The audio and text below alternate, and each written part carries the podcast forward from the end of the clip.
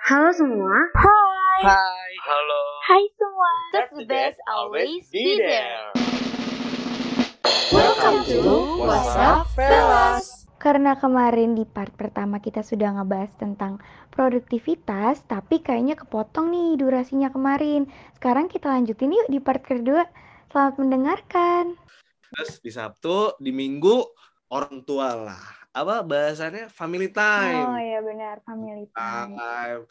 Minta dielus-elus rambutnya sama mama atau pijit-pijitin nih bapaknya biar uang tiap hari cair gitu kan.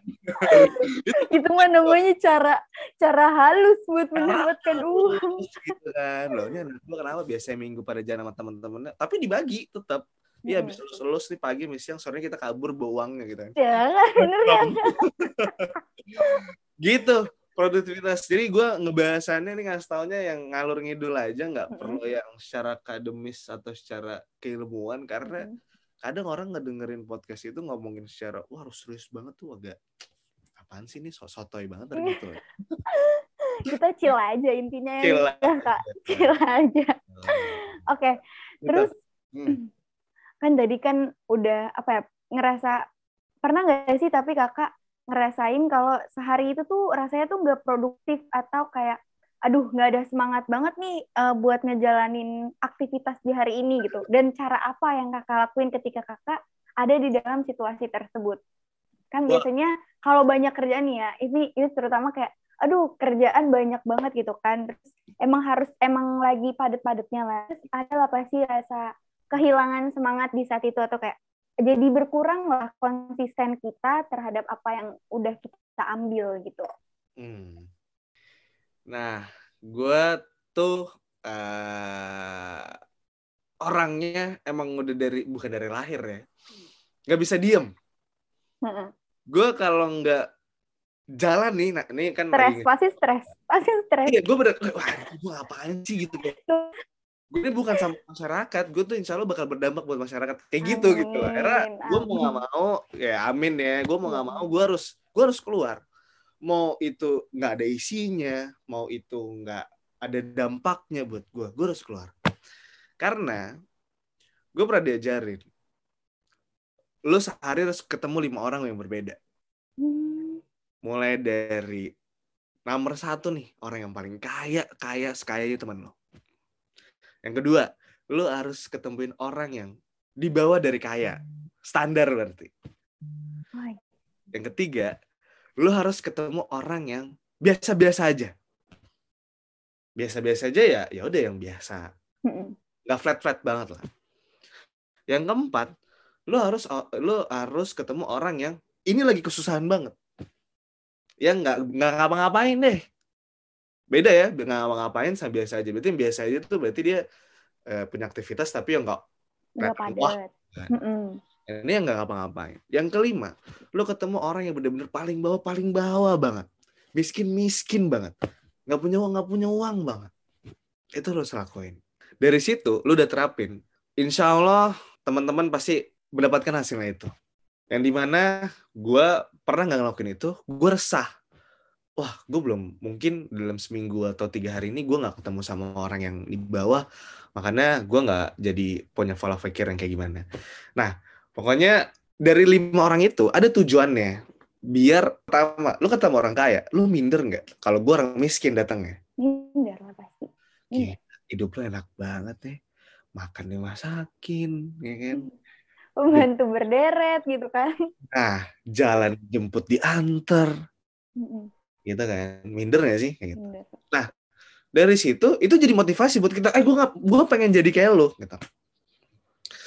Pokoknya gila baju lu off white atau supreme ya yang harganya 20 15 juta gue pengen juga deh. Mm-mm. tapi jadi motivasi gitu. Terus yang kedua orang yang biasa-biasa aja eh yang di bawah dari biasa. Mm-mm. oh lo eh kaya tapi lu nggak sombong ya lu bagi lu tetap bagi-bagi lu tetap organisasi wah termotivasi dong yang di mana kok dia bisa gue kenapa enggak Benar. gitu loh gue harus dong jadi dia orang kaya tapi nggak sombong tapi dia tetap aktif dan produktif gue harus kayak dia Mm. gitu loh motiv jadi motivasi lagi yang ketiga apa tuh tadi kalau kalian catat biasa-biasa aja ya nggak sih? biasa-biasa aja. Yang dia biasa-biasa aja, kita bikin dia, kita berteman sama dia supaya nggak jadi biasa-biasa aja. Jadi kita ngerubah dia gitu konteksnya. Kita ajak dia bareng, eh kita bikin nggak biasa-biasa aja yuk. Tapi bahasannya konteksnya gitu ya, Iya, maksudnya ha. ngomongnya gimana? Eh cuy, bikin ini yuk. Kita kayak biasa-biasa aja deh. Kayak- tapi kalau kita bareng kayak insya Allah kita nggak iya, nggak jadi biasa aja. benar. Jadi kita harus mengajak orang tersebut juga gitu ya kak. Nah, terus yang keempat, nggak biasa-biasa banget, tapi eh, dia nggak ada kerjaannya deh. Oh, yang kerjaan. Ada kerjaan tapi tuh, oh nggak ada. Kalau yang biasa-biasa aja itu ada kerjaan, cuman dia nggak padat. Kalau Nah, yang di bawahnya biasa-biasa aja, dia benar-benar nggak ada kerjaan. Oke. di situ kita hadir.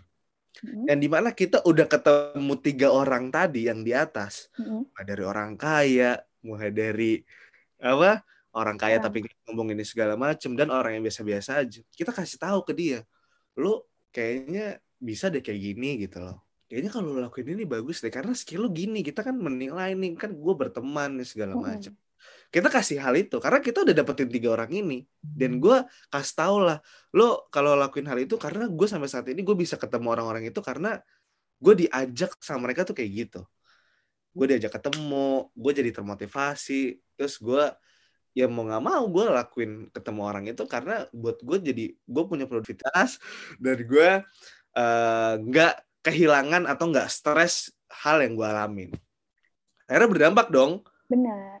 Kita, kita itu hitungannya udah berdampak buat dua orang loh. nah yang terakhir yang emang emang jatuh banget yang harus kita kasih dan kita bagi Hmm. itu yang di mana mungkin gue di tahap kelas yang yang nomor tiga nih yang tengah-tengah dan gue untuk mengangkat dia yang orang yang miskin yang nggak biasa aja nih semua segala macam ini maaf ya kalau bahasanya agak kasar apa-apa. nggak apa-apa. itu menjadi hal keberkahan dan membukakan pintu rezeki gue yang di mana gue nolong orang gitu loh. Hmm. Sedekah, Di situ- sedekah. Ya, gue sedekah, gue sedekah dan gue investasi pertemanan yang di mana gue ngebantu dia, insya Allah gue akan beranjak juga yang akan menjadi nomor dua atau nomor satu yang akan datang. Amin. Karena gue mengajak nomor orang nomor lima ke nomor tiga aja itu sangat beru, sangat hal yang wow. Amazing. Gitu. Jadi alhamdulillah Mm-mm. gue pernah yang di mana wah gue stres banget gue ngapa-ngapain segala macam. Akhirnya senior gue dan guru gue dan mentor gue ngasih tau tuh gue dapetin hal itu dan gue terapin itu. Alhamdulillah gue jadi nggak stres lagi. Gue terapin itu. Hmm. Kaisa tanya dong tadi kan, pernah nggak sih ini segala macam produktivitas tuh yang mesti pernah yang di mana nggak, wah emang gue nggak bisa ngapa-ngapain ternyata ternyata hal gue gue lakuin itu gue seneng karena berdampak buat teman-teman. Gue bukan jadi tokoh juga ya Kal, tapi Iya. itu yang gue alamin gitu loh. Ternyata teman-teman, wah Vin gue thank you banget, wah Vin alhamdulillah berkat kayak gini-gini ini. Jadi seneng banget gitu kan Jadi- ketika orang berterima kasih tuh, aduh, terima benar sih, kasih benar. itu terima kasih itu udah cukup banget buat gue karena Hmm. gue lakuin itu juga eh, orang-orang yang selama ini ngajarin gue dilakuin juga hal yang kayak gitu jadi gue wah ini harus ilmu yang perlu gue share ke teman-teman Tapi ada nggak sih kak hmm, tips kakak buat konsisten dan terus produktif? Apalagi kan ini kalau dilihat-lihat kan apa ya generasi katanya kan kita ini generasi Z dan apa ya gener agent of change lah gitu kan agent of change. Nah gimana tuh cara kita sebagai agent biar tetap konsisten uh, dan terus produktif gitu?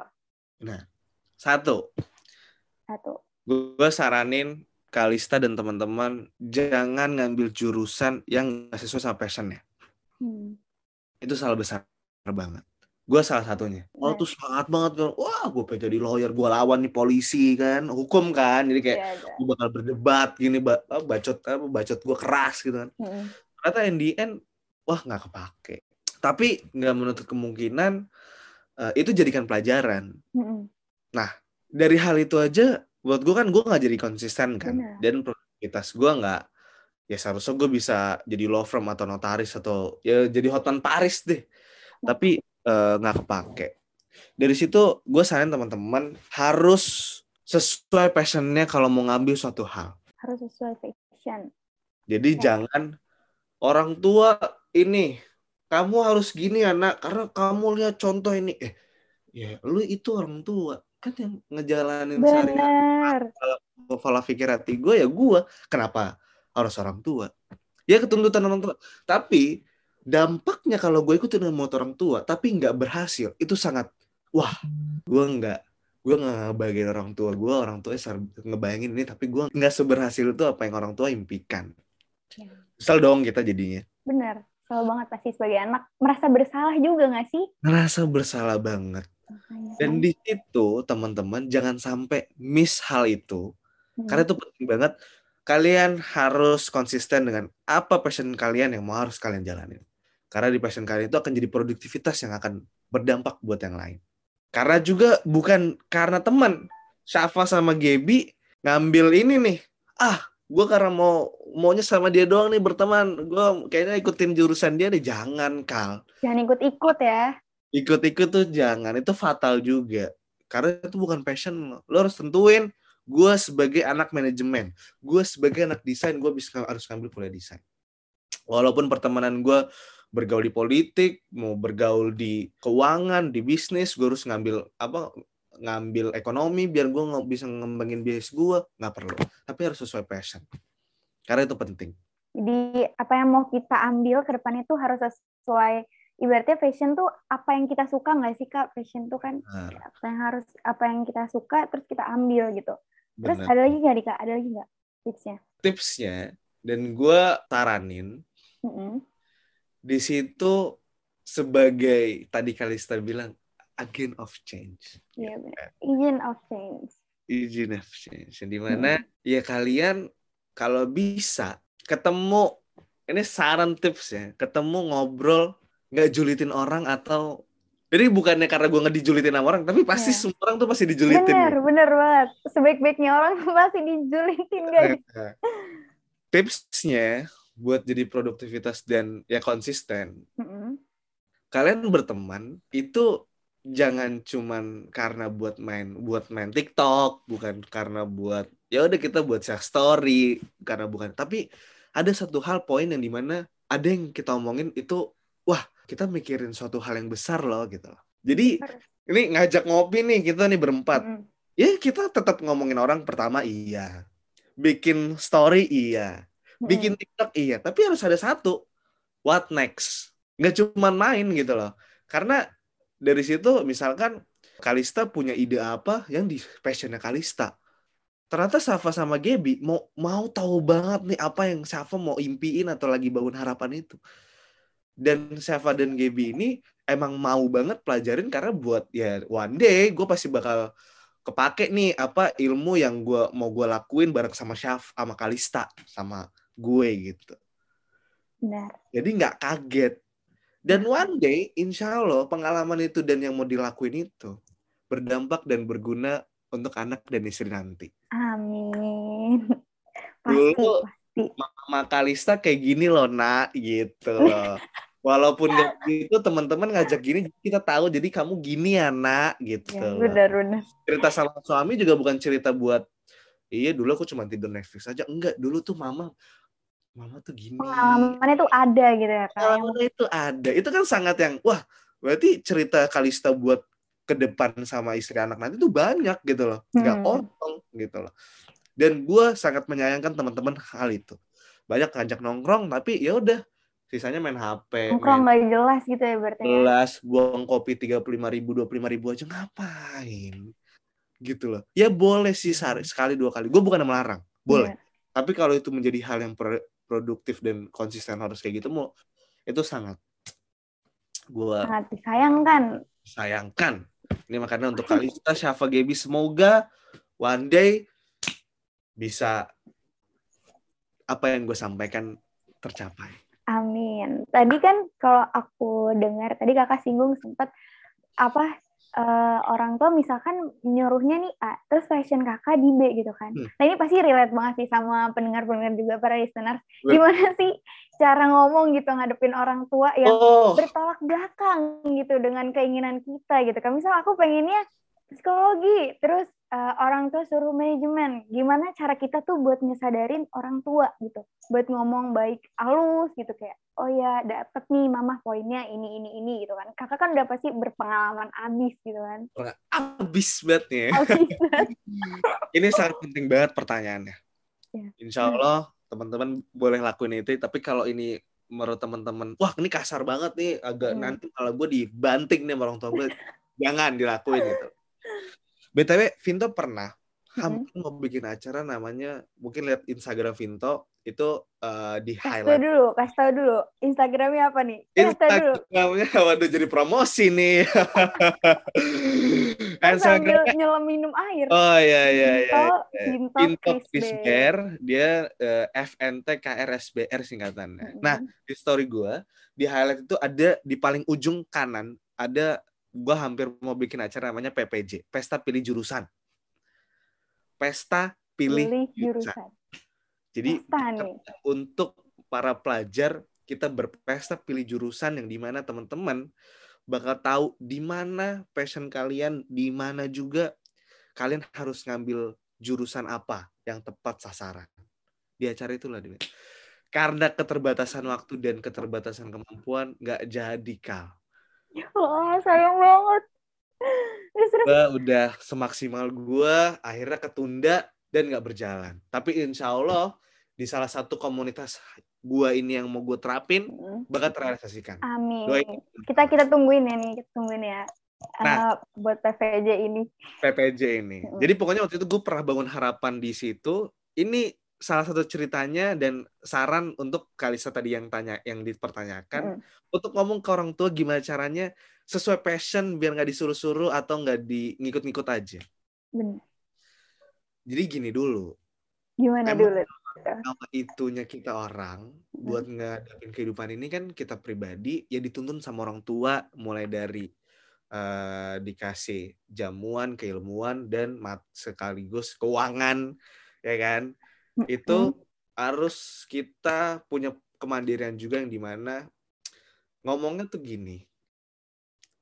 Ya nggak mungkin orang lagi apa ngomel tapi kita datengin itu pasti jadi berantem kan? Iya. Ah mah bu tante semua segala macem bunda. Ya Kalista mungkin udah ada omongan atau besok udah gimana tahapan Kalista di umur uh, mengambil uh, untuk masa depan Kalista yaitu kuliah. Hmm. Karena kuliah ini menuntut untuk pekerjaan dan seterusnya. Di sini Kalista jelasin yang di mana kesukaan Kalista tuh apa, passionnya tuh apa. Jadi mana bener-bener jadi orang tua tuh Kalista ngomong, wah anak gue udah gede udah nggak bisa gue suruh-suruh atau gue saran-saranin gitu. Karena ya generasi kita atau uh, eh, kita kita ini udah udah nggak gaptek. Iya benar. Malah meleknya teknologi. Benar. Semua orang belajar udah semua di sebuah online, nggak perlu datang ke sekolah atau kuliah ke kampus ini semua segala udah bisa lewat YouTube, Google. Dan kita ngomong, ya ya kakak, adik, udah riset, udah udah nah, udah istiqoroh, udah sholat, minta sama yang di atas uh, untuk menentukan diri atau kehidupan Kalista di mana uh, Kalista mau ambil, yaitu jurusan atau keilmuan yang mau Kalista bangun. Kalista dan teman-teman harus pilih sendiri, mau itu di politik karena ikutin politik di Indonesia, hmm. mau itu manajemen karena ikutin Sandiaga Uno untuk manajemen keuangan atau ekonomi semua segala macam, atau desain pernah ngelihat apa desain bagus di mana di Amerika atau di Jakarta yang anak-anak bomber gitu kan yang nyoret-nyoret gitu. Bomber. Terserah gitu loh. Cara ngomongnya tapi tetap yang di mana uh, ini tips ya maksudnya gue pernah yang di mana uh, ngomong sama orang tua ya ini yang ngejalin Vinto yang ini Vinto yang punya harapan sendiri bukan orang tua. Ya orang tua boleh tapi kita bukannya menti, meng, tidak mengiyakan. iya ya benar. Tidak bukan men, apa sampingkan ya, tidak kalau, mengesampingkan orang tua juga kan gitu kan. Iya, tapi kan ini kita ngejalanin. Jadi mau nggak mau ya Kalista ngomong gitu loh. Nah ini seharusnya ayah sama papa support gitu kan. Mm -hmm. Dan mohon bimbingannya juga sesuai kemampuan orang tua. Dan doain yang terpenting, terpenting gitu loh. Mm. Semoga Kalista dengan pilihan Kalista dan teman-teman uh, ini berdampak juga buat teman-teman yang di luar dan masyarakat yang di luar. Inilah pilihan Kalista untuk mau ambil jurusan ini. Gitu. Jadi hal kayak gitu aja ngomong nggak. Jadi nggak yang ah, tapi kan teman-teman si Kalista ini jadi orang ini. Nggak gitu kan hmm. jadi kan harus agak weh kamu nih gara-gara orang teman-teman ya bukan oh bener. Bisa bisa. Jadi jadi harus sesuai ke kepribadian dan kemandirian Kalista juga dan sama teman-teman. Gitu. Oke, gitu ya. Jadi banyak tuh hal itu terjadi. Mungkin karena banyak orang yang dulu uh, sekarang ya maksudnya uh, ngambil salah jurusan jadi sekarang yang pengangguran segala macam nggak diterapin itu atau nggak ada yang ngasih tahu teman-teman hal itu. Nah. waktu itu tentu setelah harapan Vinto dan teman-teman mau bikin pesta pilih jurusan itu karena mau guys kita nggak boleh hal ini terjadi ulang. Bener bener sih. Kita nggak pengen gue nih salah satunya salah jurusan gue ngambil hukum ternyata gue anak event seharusnya gue ngambil anak ilmu komunikasi. Hmm. biar komunikasi event gue lebih bagus gitu loh. Atau misalnya gue ngambil apa gitu loh. Jadi kita tuangin lah di PPJ ini dan kita menjembatani lah teman-teman pelajar biar nggak keulang waktu itu. Gila, sama sih. Jadi aku juga udah udah ngerangkai. Jadi waktu SMP apa ya? Nah. Pokoknya nggak nggak nggak kewujudkan impiannya tuh kayak, oh ya ini nggak boleh nih ke depannya nih orang-orang nih ngalamin hal yang sama. Dia harus bisa uh, yang nggak boleh lah ngalamin atau ada di fase ini tuh seenggaknya ketika dia ada di fase itu dia nggak ngerasa aduh berat banget sih nih kayaknya fasenya gitu. Kayak nggak ada nggak ada nggak ada temen nggak ada arahan nggak ada pegangan gitu. Ya sama sama. Sama sama seperti kayak Kak Vinto cuman bedanya kalau aku tuh mikirnya hmm. uh, kan mindset gini ya mindset orang tua zaman sekarang itu masih banyak juga yang apa sih namanya tidak menerima atau kayak so tau lah dengan kemampuan anaknya gitu kan. Kayak Iya anaknya nih dilihat-lihat dari ranking prestasi dan yang lain-lain bisa nih dia nih ke sini nih gitu kan jurusannya bisa nih bisa ke dokter gitu kan. Tapi nyatanya kan kita sendiri kan yang mengerjakan tuh merasa tidak mampu kan ya kan. Makanya itu dia aku sih udah ada plan semoga nanti kuliah atau dekat-dekat ini terrealisasikan. Jadi entah itu masuk ke suatu komunitas atau buat komunitas di mana kita mengedukasi orang-orang tua ini biar ke depannya tuh anak-anaknya tuh nggak salah jalan. Terus biar anak-anaknya tuh kayak gimana ya? Kita sebagai orang tua harus ngedidik, cuman tuh harus tahu juga di mana celah-celah si anak kayak gitu. Kalau aku tadi kan kapinto kan itu kan. Jadi biar ya kan Karis itu pinter banget ya. Siapa gitu? Masya Allah. Udah pendampingnya belum atau gimana? jadi tips gue tadi tuh dua yang tadi Kalista pertanyakan. Semoga iya. bermanfaat buat teman-teman. Amin. Pokoknya kita harus ngomong baik-baik juga ya sama orang tua.